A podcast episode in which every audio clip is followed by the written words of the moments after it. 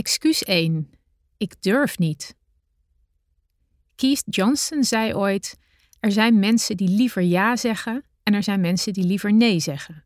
Zij die ja zeggen worden beloond met de avonturen die ze hebben. Zij die nee zeggen worden beloond door de veiligheid die ze bereiken.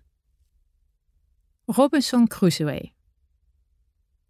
Daar zat ik dan, in een donkere, kale grot op een piepklein verlaten eilandje ergens bij Maleisië. Niet bepaald het tropische eiland met witte zandstranden, kokospalmen en tropische vruchten waar ik op had gerekend, zei ik tegen mezelf. Ik had me min of meer voorbereid op overleven in een tropische omgeving, niet in een soort grafkelder. Door deze onverwachte wending voelde ik me een beetje verloren. Aan de andere kant was ik nieuwsgierig. Eerst maar eens even kijken wat voor uitdaging er nu weer voor me ligt, pepte ik mezelf op. Normaal gesproken zijn er bij Expeditie Robinson 18 kandidaten, verdeeld over twee eilanden. Nu was ik echter alleen met Marnix, een Belgische rechercheur en huisvader, bij de grot afgezet door een bootje. We kregen verder geen instructies, maar in de grot vonden we al snel een grote houten kist. We bekeken de inhoud. Drie potjes met een klein beetje rijst, bloem en olie, een wok, visdraad, een paar vishaakjes, een magnesiumstik, een machette, een zakmes en een bijl. Daar zullen we het mee moeten doen, mompelde Marnix, onder de indruk van de karige voorraad. Ook hadden we nog een olielamp die ons van licht voorzag. Op het moment dat we beseften dat we dat vlammetje zouden kunnen gebruiken om vuur te maken, waaide het net uit. We keken elkaar aan. Dat is een lekker begin, concludeerden we. Toen ontdekten we 16 houten fotolijsten in de kist. Dat zijn vaste andere kandidaten, riep ik enthousiast. We zetten de foto's tegen de rotswand en bekeken onze collega's bij deze expeditie. Het was een mix van jong en oud, man en vrouw, een aantal opvallende persoonlijkheden. Waar zijn deze andere kandidaten? vroegen we aan de cameramensen, die niks terugzeiden. Terwijl ik de foto stond te bekijken om een beetje gevoel bij iedere persoon te krijgen, riep Marnix ineens dat hij een welkomstbrief had gevonden. Hij las voor. Esther en Marnix, welkom op Harimau. Dit is het meest onherbergzame eiland in de Zuid-Chinese zee. Jullie zullen hier in het geheim moeten overleven. De andere kandidaten weten niet van jullie bestaan. Hier moeten we leven, riep ik vol ongeloof uit. Hoe lang dan? De cameramensen stonden met hun camera's en microfoons op ons gericht om onze reactie vast te leggen, maar gaven geen antwoord. Kennelijk mochten ze niks tegen ons zeggen. Marnix en ik keken nog eens om ons heen. De kleine grot ging aan beide kanten in het water over. Er lag wat vochtig wrakhout, stukken bamboe en restjes touw. Er groeide niets. Het was kaal, donker en onaantrekkelijk. Hier moesten we dus zien te overleven, zonder de andere kandidaten, zonder enige informatie. Hoe lang zouden we hier moeten blijven, vroegen we ons af. We openden de piepkleine potjes met onze voorraad eten. Ik schatte dat we maximaal een pond rijst hadden en een pond bloem. Dat houden we niet lang vol, zeiden onze ogen tegen elkaar, maar we durfden het nog niet uit te spreken. Wat doen we nu? vroeg Marnix. Vuur maken? opperde ik. Hmm, dat is net uitgewaaid. Dat kan eigenlijk ook wel even wachten, bedacht ik meteen daarna. Zullen we ons kamp opzetten? stelde Marnix voor. Of even gaan zwemmen, ik heb het eigenlijk wel warm. Door de adrenaline liepen we allebei ongecoördineerd heen en weer. We wilden alles tegelijk doen, maar kwamen nergens toe. Uiteindelijk besloten we de omgeving te verkennen. Toen we aankwamen varen met de boot, zagen we een strandje met palmbomen. Als we daarheen zouden kunnen lopen en een paar kokosnoten zouden kunnen vinden, zou ons feest compleet zijn, merkte ik met een glimlach op. Marnix vond het een goed idee en begon de grot uit te lopen. Het eilandje waar we op terecht waren gekomen bestond uit kale, gladde rotsen. Op een richel stonden een paar struiken met rode vruchten, maar daar konden we moeilijk bij. We kwamen moeizaam vooruit. De cameracrew, die voorzichtig om moest springen met hun grote dure camera's, had moeite ons te volgen. Met z'n allen glibberden we over de rotsen, door het water, de rotsen weer op. We voelden de zon op ons hoofd branden. Na een tijdje kwam er ineens een klein motorbootje langs gevaren met Jarno van de productie erop. En Jarno riep: Jullie mogen niet verder lopen. Marnix en ik baalden, want we waren al een paar uur onderweg. De cameracrew had ons eigenlijk opgehouden. Met z'n tweeën hadden Marnix en ik veel sneller vooruit kunnen komen. Aarzelend keken we naar het palmstrandje, dat nu toch wel heel dichtbij leek. Jarno riep weer: Jullie mogen niet verder. Het strandje is verboden. Begrepen? Ik raakte geïrriteerd door de verspilde energie en de beperkingen die ons werden opgelegd. Het is gewoon niet eerlijk. Als we niet eens eten mogen zoeken, wat dan? siste ik tegen Marnix. Half voor de grap riep ik naar het bootje: Sorry, kan je niet verstaan, en deed net of ik verder liep. Toen werd Jarno boos en riep met rode wangen: Je hebt me wel verstaan, jullie mogen niet verder. Marnix en ik keken elkaar aan naar deze heftige reactie. Nou, het is in ieder geval wel meteen duidelijk wie de baas is, probeerde Marnix te grappen, terwijl hij zich verslagen omdraaide. Gedemotiveerd liepen we terug naar de grot. Wat nu? Als er in de grot geen voedsel is en we er niet uit mogen, hoe komen we dan aan eten? Kan je vissen? vroeg Marnix hoopvol. Hoewel ik al jaren vegetariër was, besefte ik dat de vishaakjes die we hadden gekregen onze enige kans waren op eten in deze omgeving. Mm, nee, jij? vroeg ik Marnix. Nog nooit gevist, gaf hij toe. Maar nooit oud om te leren, vervolgde hij met een grote glimlach. Samen fabriceerden we een soort hengel. Volgens mij hebben we aas nodig, zei ik bedenkelijk. We keken om ons heen. Het enige wat we zagen waren slakjes. Marnix sloeg een slakkenhuisje kapot met een steen en probeerde het glibberige beestje aan het haakje te prikken. We gruwelden beiden van deze barbariteit. Verstand op nul, zeiden we tegen elkaar. We zullen hier de komende tijd moeten overleven. Aan de buitenkant van de grot was een rotsrand met prachtig blauw-groen water. Zodra we onze geïmproviseerde hengel in het water hingen, hadden we beet. We keken elkaar ongelovig aan. Een vis, riepen we uit, terwijl we het glimmende blauwgroene beestje uit het water trokken. Hij was ongeveer 8 centimeter lang en spartelde hulpeloos aan de hengel. Dit soort visjes zie ik normaal gesproken alleen tijdens het snorkelen, zei ik meer tegen mezelf dan tegen Marnix. En nu moeten we hem doodmaken en opeten, vervolgde ik triest. We wisten allebei niet goed wat we ermee aan moesten. Het haakje uit zijn mond halen en dan? We stopten het arme beestje in een netje dat we hadden gevonden. Gruwelend en griezelend probeerde Marnix het kleine visje zo voorzichtig dood te maken dat het bleef tegenspartelen. Uiteindelijk sneed hij zijn kop er maar af. We staarden naar het kleine onthoofde lijfje. Marnix herstelde zich het eerst en begon de schubben van het visje af te schrapen, maar het mes gleed er steeds langs. Je kunt het beste van staart naar kop de schubben eraf halen, herinnerde ik me uit mijn survivalboek. Terwijl Marnix ons kleine visje schoonmaakte, probeerde ik vuur te maken. Dat ging best lastig, vooral met een camera die constant op me was gericht. Steeds weer haalde ik het mes langs de magnesiumstik. Er kwamen wel vonkjes af, maar het vochtige hout dat ik had verzameld vatte geen vlam. Uiteindelijk waren de cameramensen het zat om te vergeefs te wachten op vuur en verplaatsten ze de camera weer naar Marnix. Zodra ze bij Marnix aan het filmen waren, gooide ik stiekem een beetje olie uit de olielamp op het hout. Met een klein vonkje van de magnesiumstik ontstond daarna met een luide woesh een prachtig vuur. Hoe kan dat nou? hoorde ik de cameramensen aan de andere kant van de grot verbaasd mompelen. Ik zette de wok met een beetje olie op het vuur. De vis was nog maar net uit het water en kon zo de pan in. Marnix was onder de indruk van het vuur. Ik heb een klein beetje gesmokkeld met de olie uit de lamp, fluisterde ik hem toe. Even later lag de vis, aan twee kanten gebakken, in een bakje van kokosschil. Uit stukjes bamboe die we in de grot vonden, maakten we eetstokjes. We wisten niet hoe we de vis moesten eten. Marnix schraapte wat vlees van de graatjes. Soms moet je een drempel over om nieuwe dingen te ontdekken, sprak ik mezelf streng toe. In gedachten zei ik gedag tegen mijn vegetariërs bestaan en nam voorzichtig een klein hapje. De vis rook niet naar vis, dat was al heel wat. En eigenlijk viel de smaak me heel erg mee. We aten allebei twee piepkleine hapjes en gooiden de rest weg. Kennelijk hadden we nog steeds geen echte honger.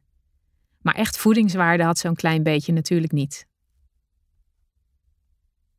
Goede voorbereiding is het halve werk. Ik had me in een opwelling ingeschreven voor Expeditie Robinson, omdat ik even weg wilde. Weg van alle e-mails en telefoontjes. Weg van de goede doelenwereld die ik onder veel weerstand probeerde transparanter te maken. Al jaren zeiden vrienden tegen me dat ze dat programma echt iets voor mij vonden, omdat ik altijd zo avontuurlijk reis. Ik legde dan uit dat het overlevingsaspect me wel aansprak, maar dat het programma absoluut niks voor mij was. Ten eerste ben ik zo ongeveer verslaafd aan eten en ik zou wel gek zijn als ik voor zo'n programma honger zou gaan lijden. Ten tweede ben ik helemaal geen groepsmens en spreekt dat psychologische groepsgebeuren me totaal niet aan. Duidelijk dus. En toch had ik me in een vlaag van verstandsverbijstering aangemeld voor het programma.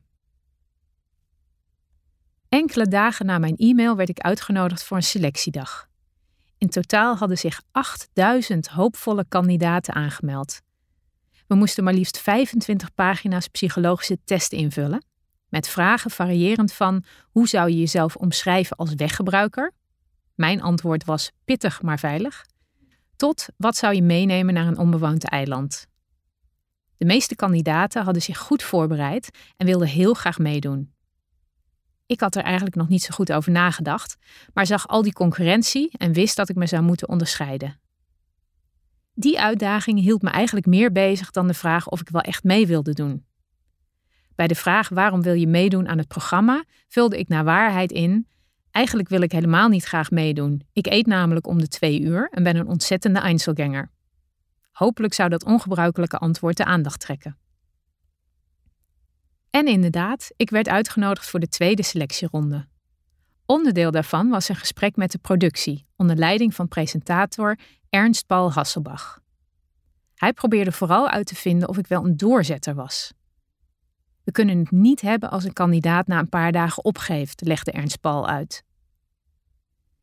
Ik had met mezelf al afgesproken dat ik gewoon naar het eiland zou gaan als ik geselecteerd werd, maar dat ik meteen zou stoppen als ik te veel honger kreeg. Het leek me niet verstandig dat tijdens de selectie te vertellen. Ik ben iemand die niet snel opgeeft, beloofde ik daarom. Kennen jullie de actie Coins for Care? vroeg ik en legde uit wat een gedoe het was geweest om die op te zetten. Ondanks tegenslagen en tegenwerking heb ik doorgezet, eindigde ik mijn pleidooi. Er volgde een gesprek met een psycholoog die probeerde uit te vinden hoe ik me in een groep zou gedragen. Ik ben een echte Einzelganger, viel ik meteen maar met de deur in huis. En bovendien ben ik helemaal gefixeerd op eten. Als ik honger heb, vervallen voor mij alle sociale normen. Ik probeerde een voorbeeld te vinden om dit toe te lichten. Stel dat ik op het eiland een mango vind en we met acht man moeten overleggen wanneer en hoe we die gaan verdelen. Sorry, dan denk ik dat ik die mango al heb opgegeten, besloot ik een beetje beschaamd. De psycholoog keek op van zijn papieren om te zien of ik serieus was. Hij noteerde iets en zei: Bedankt voor je toelichting, je kunt gaan. Was ik te eerlijk geweest? Voor een realityprogramma als Expeditie Robinson zoeken ze mensen met een sterke persoonlijkheid. Ze combineren kandidaten met karakters die zullen botsen. Kennelijk paste ik in dat profiel, want ik ging door naar de laatste ronde, de gezondheidstest. Onder toezicht van een arts moest ik eindeloos fietsen met allemaal draden op mijn bovenlichaam geplakt. Ik was verkouden en bang dat ze me daardoor niet gezond genoeg zouden vinden. Van tevoren had ik veel vitamine C geslikt om mijn verkoudheid te baas te worden. Toen ik een flesje urine moest inleveren, bleek mijn urine fluoriserend geel gekleurd door de vitamine. Mijn flesje viel enorm op tussen de andere flesjes. Ik schaamde me dood. Gelukkig werd ik medisch goedgekeurd. Tot slot was er een zwemtest. De productie legde uit. Veel van de proeven tijdens de expeditie zullen in het water plaatsvinden. Het is dus belangrijk dat iedere kandidaat goed kan zwemmen. Daarom willen we jullie zwemkwaliteiten graag testen. We werden meegenomen naar het zwembad van het hotel waar de selectie plaatsvond. Het bad was niet groter dan 3 bij 5 meter. Hoe kunnen ze hier in hemelsnaam zien of iemand kan zwemmen? vroeg ik me af. Maar het doel werd al snel duidelijk. Iedere kandidaat werd gevraagd om even heen en weer te zwemmen en dan, voor het oog van de camera's, het zwembad uit te komen. Kun je nog een keer het water in en uitlopen? vroegen de cameramensen vervolgens, terwijl ze bleven filmen. Het bleek geen zwemtest, maar een bikinitest te zijn. Je weet dat je geen groepsmens bent, dus je zult op een andere manier je plekje in de groep moeten verdienen, zette een vriendin me aan het denken. Hoe ga je dat doen? Je moet iets bedenken waardoor je onmisbaar bent voor de groep, spoorde ze me aan. Ik dacht er hardop na. Vissen is niet mijn ding. Fysiek ben ik niet echt sterk en sociaal lig ik ook niet goed, vatte ik de situatie lekker ongenuanceerd samen. Wacht eens eventjes. Ik heb tijdens een onderzoek bij de Maya-Indianen ooit geleerd over geneeskrachtige planten. Als ik me nou eens verdiep in de eetbare planten die we daar in Maleisië tegen kunnen komen, dan heb ik in ieder geval een toegevoegde waarde voor de groep. Dat vond mijn vriendin een goed idee. Toen de kans steeds groter werd dat ik mee zou doen, twee weken voor het mogelijke vertrek, probeerde ik me zo goed mogelijk voor te bereiden op de expeditie. Ik belde de botanische tuinen in Den Haag met de vraag of iemand daar verstand had van eetbare planten in Maleisië. Ik kreeg de naam van een expert met wie ik een afspraak maakte. Ik heb niet zoveel verstand van eetbare planten, maar zal je alles vertellen wat ik weet, gaf de gids toe aan het begin van de persoonlijke rondleiding. Voor mij leken alle planten op elkaar, maar ik probeerde een aantal belangrijke te onthouden. Er was een soort eetbare knol die erg voedzaam zou zijn. Ik probeerde de vorm van de bladeren te onthouden. Ik had het gevoel alsof ik voor een onmogelijke taak stond. In een paar uur alle kennis opdoen die nodig was om te overleven op een onbewoond eiland en in een groep. Ook zocht ik op internet naar een survival expert. Met een omslachtige, algemene omschrijving probeerde ik informatie te vinden. Ik ga een tijdje naar een onbewoond eiland en wil graag de belangrijkste dingen leren om te overleven. Een survival expert uit België schreef me terug: Goh, ga je soms meedoen met Expeditie Robinson? Ik heb ook meegedaan een aantal jaar geleden en wil je graag wat dingen leren. Maar dan moet je wel mijn naam geheim houden, want ik mag officieel niet praten met nieuwe kandidaten. Een paar dagen later reisde ik af naar de mooie Belgische Ardennen voor een privé survival les. De expert liet me zien hoe je op verschillende manieren zonder lucifers vuur kunt maken. De meeste technieken vergat ik meteen weer. Waarom is het allemaal zo ingewikkeld? riep ik gefrustreerd. Met veel geduld leerde de expert me een paar eenvoudige knopen om takken aan elkaar te binden voor een driepoot boven het vuur, een hutje, etc. Dat zal je later nog van pas komen, zei hij vol zelfvertrouwen. Het leukste vond ik om van een beetje bloem en wat water heel eenvoudig een deegje te maken. Als je dit om een stok doet en boven het vuur roostert, heb je een heerlijk broodje, legde de expert met een schittering in zijn ogen uit. Je krijgt een beetje bloem en rijst tijdens de expeditie, maar dat is bij lange na niet genoeg. Je moet echt alles eten wat eetbaar is, ook insecten bijvoorbeeld, vervolgde hij met een grote glimlach. Tot mijn afgrijzen haalde hij een zakje met bevroren springkanen en kevertjes uit zijn tas. Toen ze ontdooid waren, roosterde hij ze boven het vuur. De torretjes kun je in zijn geheel eten. Van de springkaan trek je de vleugels en de poten eraf voordat je hem eet, legde hij uit, terwijl hij het voordeed. De insecten verdwenen in zijn mond en hij kauwde er smakelijk op. Ik had het gevoel alsof ik moest kokhalzen. Ik ben hier om te leren overleven, zei ik tegen mezelf. En moedig nam ik ook een torretje en een springkaan. Ze zeggen wel eens dat ze een beetje naar noten smaken. Maar ik moet eerlijk toegeven dat ik niet echt geproefd heb. De rillingen liepen over mijn rug terwijl ik de vreemde hapjes doorslikte. Het valt best mee, zei ik met trillende stem tegen de expert die me hoopvol aankeek. Wil je er nog een? Er zijn er genoeg, probeerde hij nog. Maar ik had voldoende geleerd, vond ik. Het is dat deze net ontdooid zijn, daarom smaken ze een beetje zompig, excuseerde de expert zich. Maar vers geroosterd zijn ze echt heel lekker. Wauw, ik heb al zoveel geleerd, zei ik terwijl ik probeerde de knopen en andere adviezen te onthouden. Ik wilde alle kennis in me opnemen. Wat zijn je drie belangrijkste tips voor de expeditie? vroeg ik de ervaringsdeskundige daarom aan het eind van de dag. Hij dacht even na. Als ze je ooit een bed aanbieden, moet je dat absoluut weigeren, onder welke omstandigheden dan ook. Verder, als je de kans hebt, neem vitaminepillen mee. Je krijgt echt heel weinig voedingsstoffen binnen en elke vitamine is een grote meevaller voor je lichaam, vervolgde hij. Tot slot, laat het gewoon gebeuren en geniet ervan.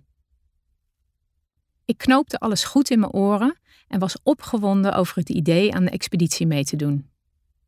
In de auto op weg naar huis liet ik alles nog eens de revue passeren.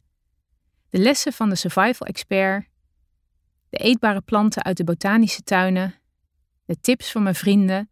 Ik had een hoop nuttige dingen geleerd. Toch had ik een onheilspellend gevoel. Ik wist dat ik over mijn eigen grenzen zou moeten gaan. Ik wist alleen nog niet over welke grenzen en hoe ver. Het was alsof de springkaan en het torretje nog steeds door mijn slokdarm kropen. Ik moest de hele autorit vanuit de Ardennen terug naar Nederland mijn uiterste best doen om ze binnen te houden.